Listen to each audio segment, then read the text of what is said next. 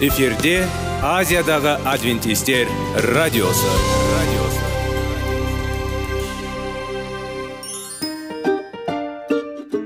сәлем достар. Денсаулық өмір бұлағы және біздің бірінші байлығымыз демекші денсаулық сағаты рубрикасына қош келдіңіздер. Біздің рубрикада біз әртүрлі факторларменен мәліметтерменен кеңестерменен бөлісіп шын жүректен сіздердің дендеріңіз сау болғанын қалаймыз. Сол үшін біздің рубрикаға қош келдіңіздер. Дайындалып тұрыңыздар. Өйткені келесі минуттарда қызықты фактілерге ие боласыздар. Енді достар ең бірінші байлығымызды қолымызға алып алға кеттік.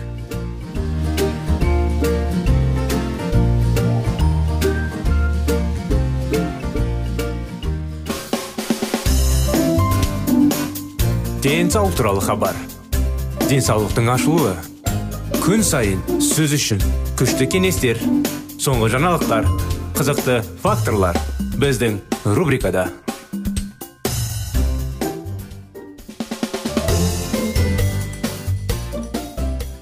сәлем достар. Ассалаумағалейкум біздің құрметті радио тыңдаушыларымыз. Денсаулық сағат бағдарламамызға қош келдіңіздер. Сіздермен бірге салауатты өмір салты салауатты болу тақырыптары соны жалғастыра кетейік. Бірнеше ауыр себептер бар бірақ ең көп таралған әрине темекі шегу. Никотин темекідегі ең белсенді заттардың бірі ретінде. Никотин ацетилхолин рецепторлары деп аталатын арнайы белсендіреді. Олар өз кезегінде қан тамырлары мен капиллялардың таралуын тудырады. Әйтпесе стеноз дейді ғой. Әрине кез келген қан тамырларының диаметрі азаймаған кезде пациентталар мен ұрықтың ұлпаларына келіп түсетін оттегі мен қоректік заттар да азаяды.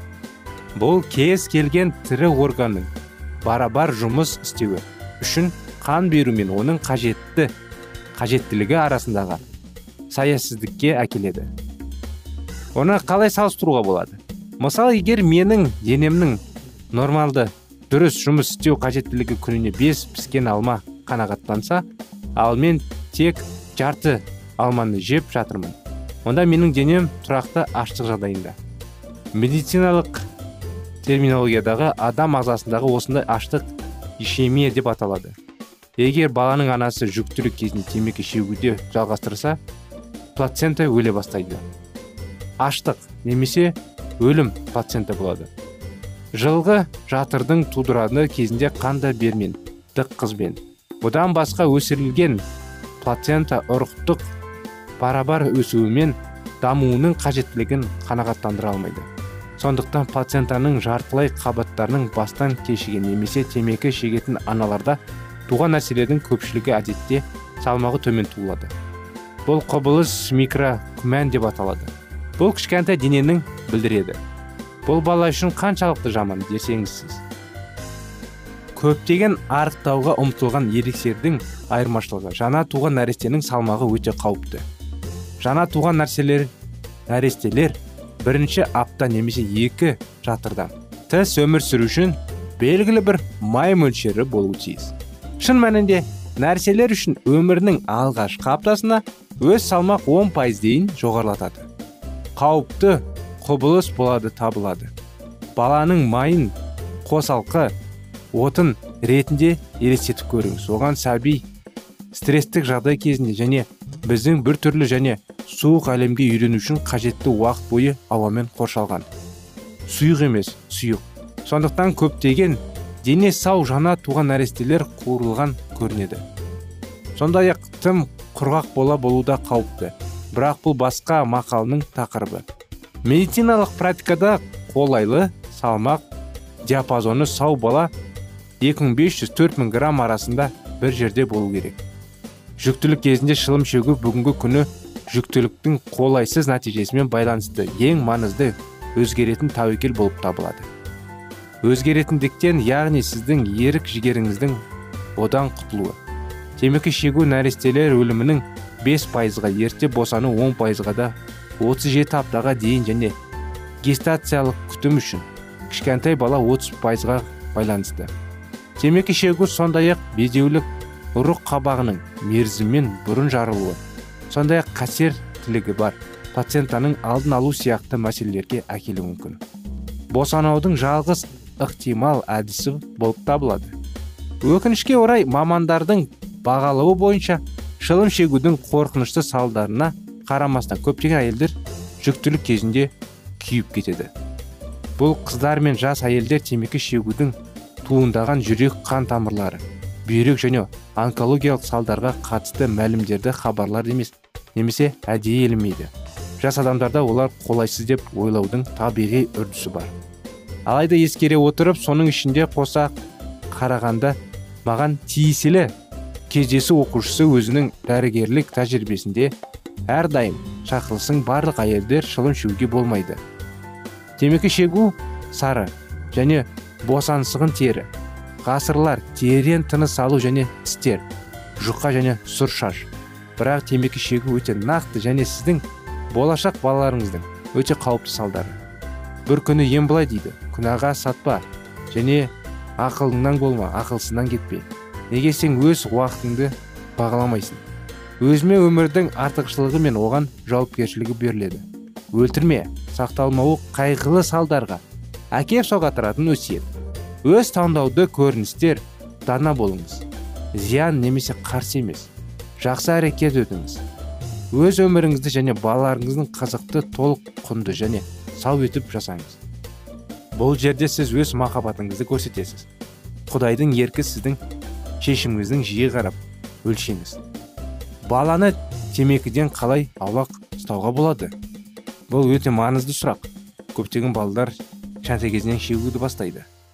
Кейбір балалар мектеп бастамай тұрып дұрыс шекпесе де бір жерден даладан тапқан темекінің қалдығын ал шегіп үлкендерге қарап соны шегуге тырысады көптеген ата аналар балалардың темекі шегуі немесе темекі шегуге мүмкін бірақ оларды зиянды әдеттен қалай қорғау керектігін білмейді.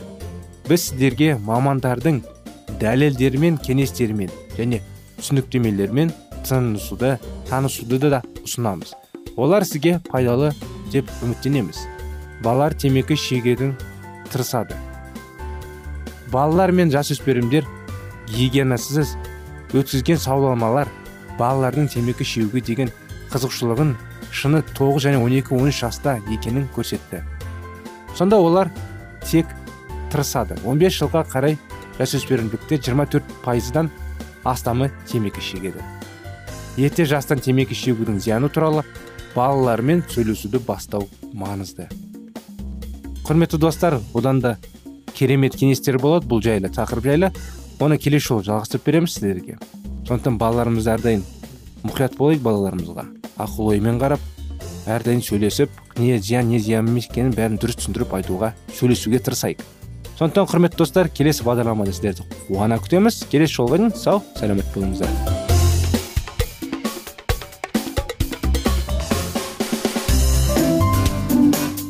Денсаулық туралы хабар. Денсаулықтың ашылуы. Күн сайын сөз үшін күшті кеңестер соңғы жаңалықтар қызықты факторлар біздің рубрикада.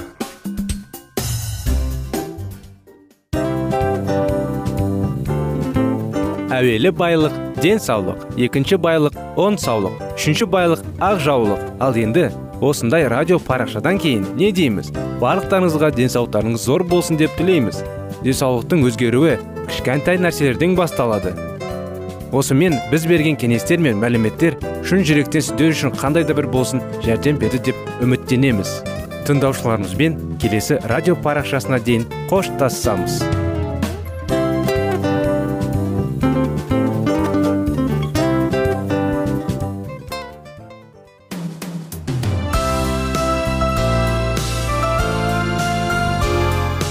эфирде азиядағы адвентистер радиосы. Радиосы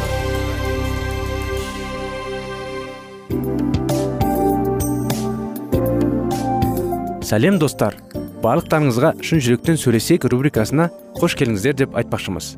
Шын жүректен сөйлесек бағдарламасы әртүрлі қызықты тақырыптарға арналған. Шындығында шын жүректен сөйлесек деген сөздің мағынасы екі достың екі адамның ортасындағы шын жүрекпен сөйлесуі бір біріне сенуі ашықтық пен шындықты білдіреді. Сол үшін біздің бағдарламалар әртүрлі қызықты тақырыптарға арналған. Дайындалыңыз жаңа қызықты мәліметтерге ие болуға. Ондай болса кеттік.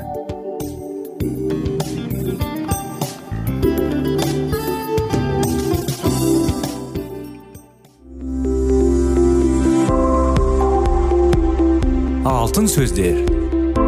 Сырласу қарым қатынас жайлы кеңестер мен қызықты тақырыптар. Шын жүректен сөйлесейік рубрикасында.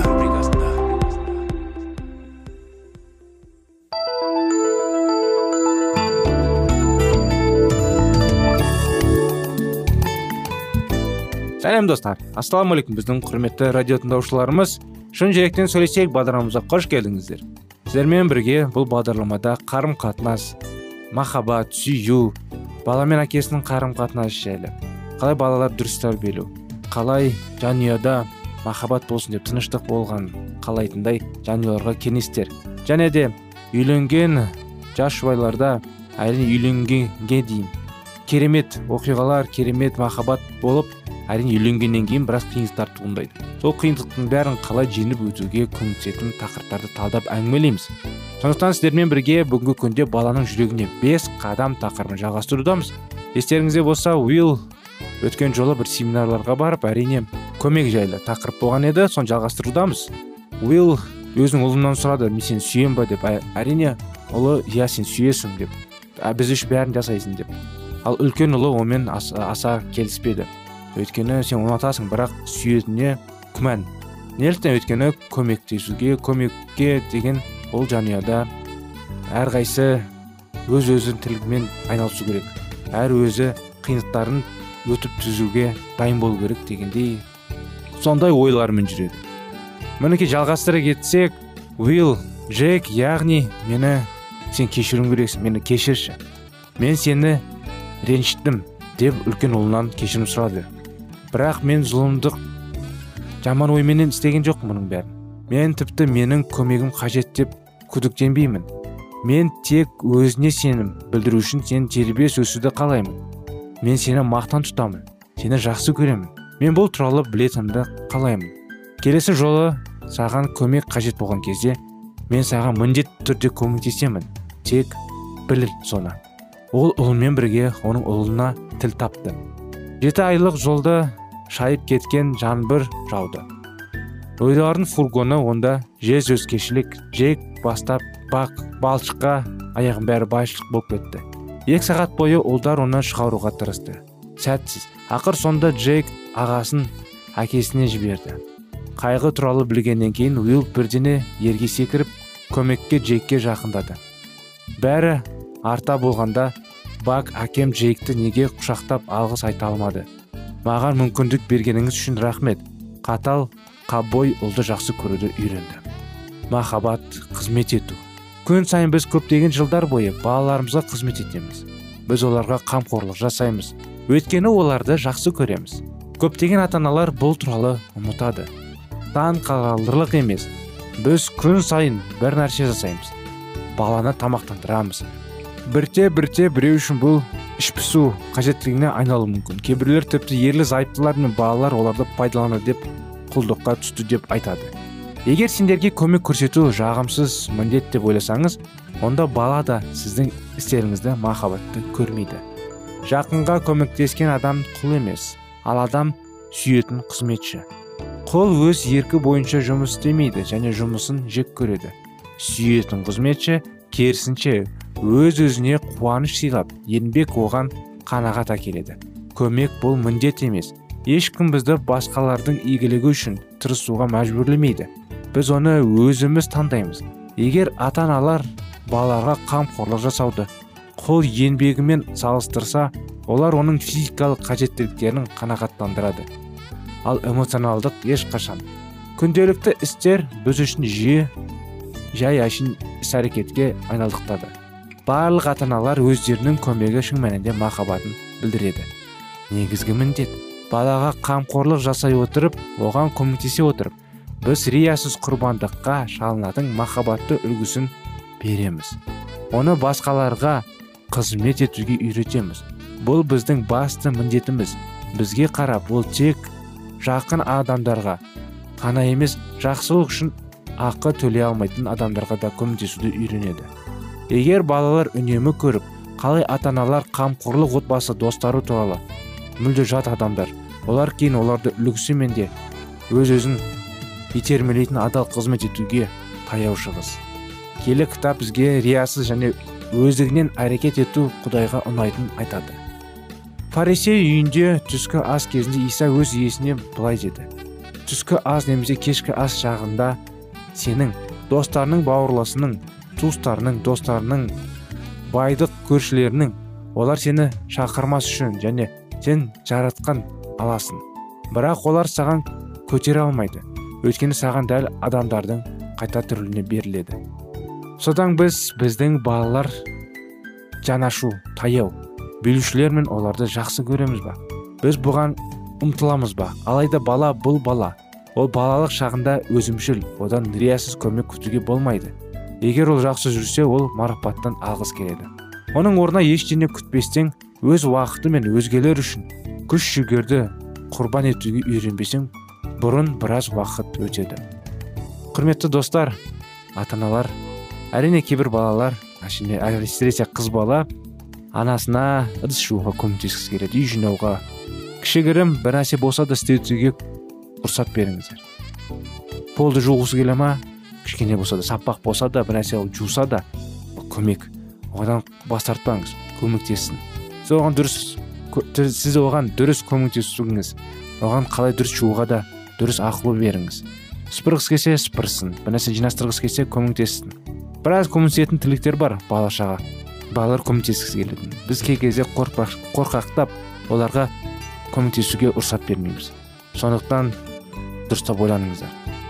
Баланың ойы далада ананың ойы балада дегендей әрине баланың ойы далада болғандықпен де кей кезде үйде жиі болған болу үшін оның бәрі сіздердің қолдарыңызда.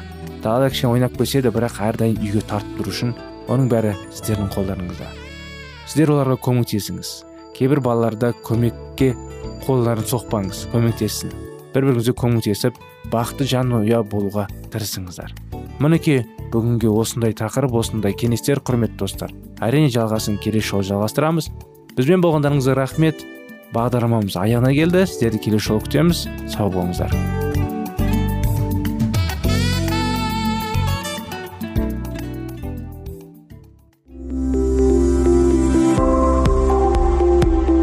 Алтын сөздер. Сырласу. Қарым қатынас жайлы кеңестер мен қызықты тақырыптар. Шын жүректен сөйлесейік рубрикасында.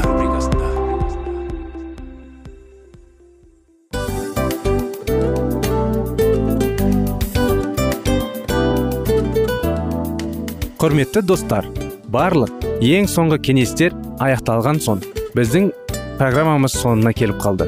Осы біздің мәліметтер осы рубрикада айтылған әрбір сөздер сіздерге өзінің қандай да бір пайдасын алып келді деп шын жүректен сенеміз.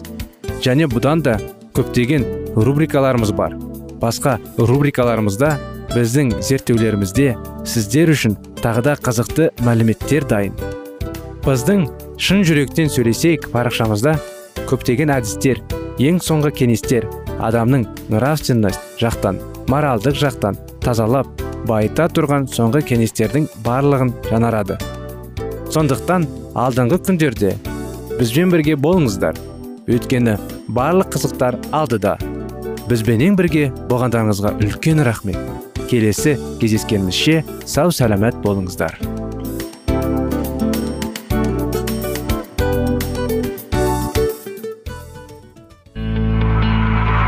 Жан дүниеңді байытқан жүрегіңді жаңғыртқан өмірдің мағынасын ойландырған рухани жаңғыру рубрикасы.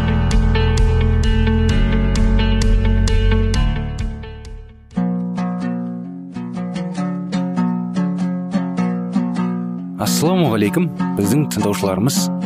Келі кітаптың шындығын ашып берген қысқа бағдарламасына қош келдіңіздер. Барлығынан жоғары жаратушы біздің қарыңғылықта жалғыз қалдырып қойған емес. Өйткені ол келешекте не болу керек екенін киелі кітаптың парақтарында ашып береді. Немесе келіңіздер бізге қосылыңыздар. Жаратушы бізге нен ашып бергенін зерттейміз. Ассалаумағалейкум армысыздар құрметті достар құрметті радио тыңдаушыларымыз. Біздің рухани жаңғыру бағдарламамызға қош келдіңіздер. Құрметті достар сіздердің назарларыңызға сенуді қалай үйрену тақырыптары. Өткен жылы біз исаның атымен мұнажат етуді ұмытамыз жайлы айтқан едік. Біз жиі мұнажат еткен кезде жай ғана сыйнап қоя саламыз. Сонда исаның атымен сиініп сол исаның атымен сұрауымыз керек. Исаның атымен сүйіну мұнажаттың нағыз өзі болып табылады. Бұл шарасыз жанның өзіне мейірімді досына деген көзқарасы. Бұл мұнажаттың ғажайып әрекеті біздің дәл осы мұқтаждықта исаға есік ашып. Оны мұқтаждығымызға енгізетімізге негізделген. Біз исаның мұқтаждығымызға еніп онда өзінің құдіретін көрсеткісі келетінін көрдік. Бұл жерде мәселе мында мұнажатымыз арқылы оның бізге деген ынтасын оятуымызда емес. Онда біздің мұнажатымыздың түйіні дұрыс болмама еді егер иса біздің мұнажатымызды естіп мұқтажымызға араласса болса бұл тек оның бұған азаптары мен өлімі арқылы біз мұқтаж нәрселердің бәріне қол жеткізетінінен ол бізге бәрін сыйға тартуға күні түні дайын оның бізден күтетіні бұл біздің одан көмек сұрауымыз. Себебі иса біздің мұқтажымызға күштеп енбейді және олай етуді қаламайды. Бұл жоған есікті өзіміз ашуымыз қажет мұнажатымыз арқылы құдайға ықпал ете аламыз деген адасу бойымызға терең орнаға алған. Сұрағымызды беру үшін біз оның өзімізге достық пейілме қарауына ықпал жасай аламыз деп ойлаймыз. Бұл біздің бойымызда бас көтерген пұтқа табынушысы іспетті. Пұтқа табынушы құдайның он қабағына ілінуге және оның байлықтарынан өзіне бөліп беруіне түрткі болуға тырысады. Тіпті біз сезінбесек те бойымызға мынандай ойлар ұялып алған. Өтінішімізді орындау үшін құдай біздің бойымыздан бір қасиет көру тиіс деп ойлаймыз. Сондықтан мұнажаттарымыз көп жағдайда жанның шиыруына айналады. Біз құдайға жақсы әсер етуді ау деген қасиеттерімізді көрсетуге тырысамыз.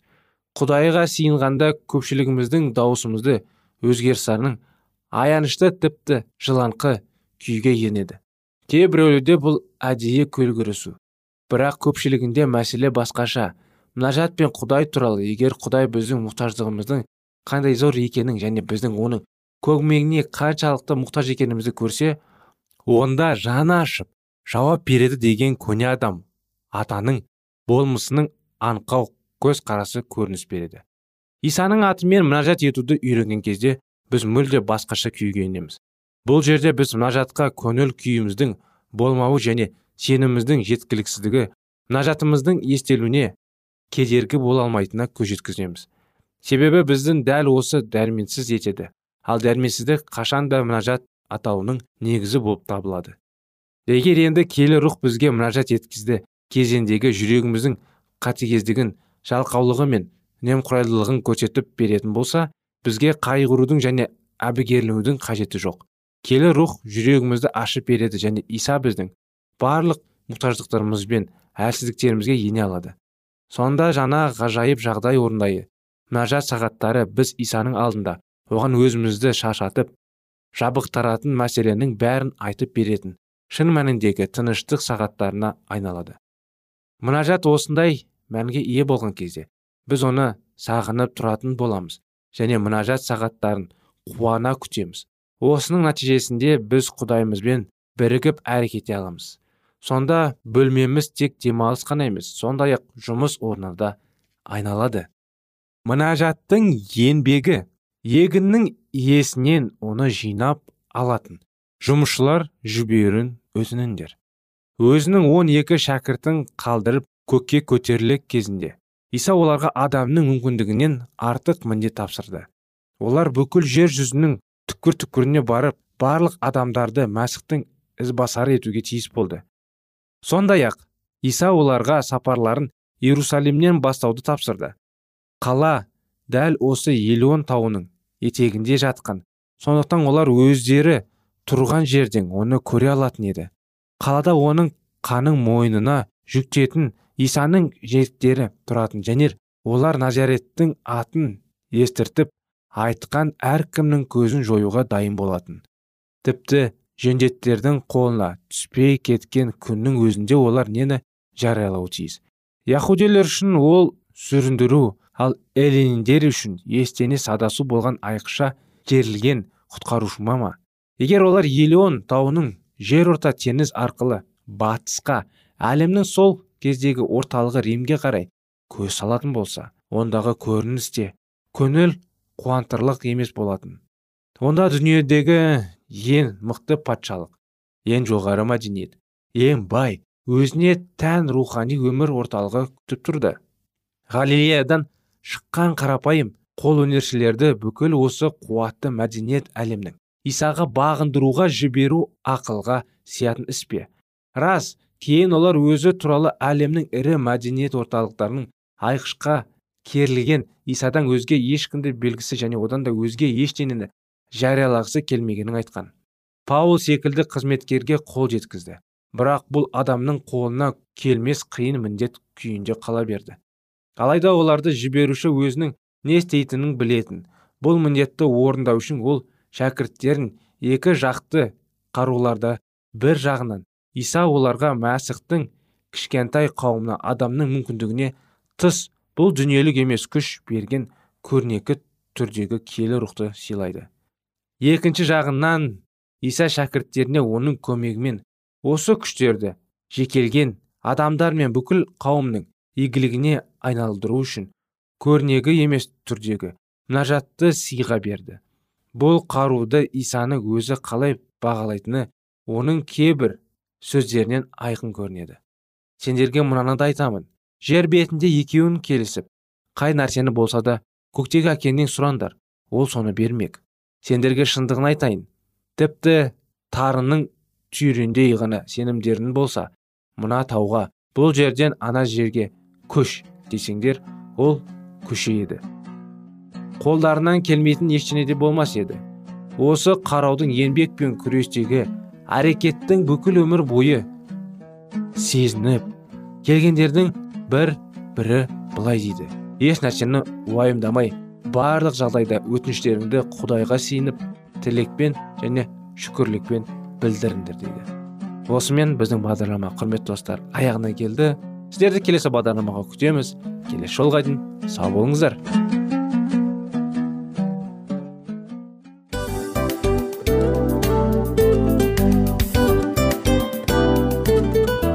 Мынау осы уақыт тез өтіп кетеді екен. Біздің бүгінгі рубрикалардың аяғына да келіп жеттік. Ақпаратымызды парақшамызды қазір ғана бастаған сияқты едік. Соңында да келіп қалдық. Уақыт деген тегі білінбей өтіп кетеді екен. Бүгінгі 24 сағаттың алтындай жарты сағатын бізге бөліп арнаған үшін рахмет. Егерде өткен сфераларда пайдалы кеңес алған болсаңыз біз өзіміздің мақсатқа жеткеніміз. Кеңестерді қолданам десеңіз өзгерістерді кішкентай қадамдардан бастап іске асыра беріңіздер де жасағандарыңыз үлкен үлкен жетістіктерге жете берсін. Шын жүректен әрбір берілген кеңестер сөздер сіздерге пайдасын әкеледі деп сенеміз. Сіздермен бірге кездесулерімізді сөзсіз түрде асыға күтеміз. Сәтті күн тілеп сіздер менің ұзаққа қоштаспай келесі кездескенімізше тек қана сау саламатты болыңыздар дейміз. Достар біздің базарма бойынша сұрақтарыңыз болса әрине сіздерге керекті анықтама керек болса біздің whatsapp нөмірімізге хабарлассаңыздар болады. Плюс бір үш жүз бір жеті жүз алпыс алпыс жетпіс. Иә достар сіздер қателеспедіңіздер бұл біздің номерлерге ұқсас болмаса да бұл whatsapp номер арнайы. Хабарласыңыздар сұрақтарыңызды қойып тұрыңыздар. Анықтаманы алып тұрыңыздар. Плюс бір үш жүз бір жеті жүз алпыс алпыс жетпіс whatsapp номері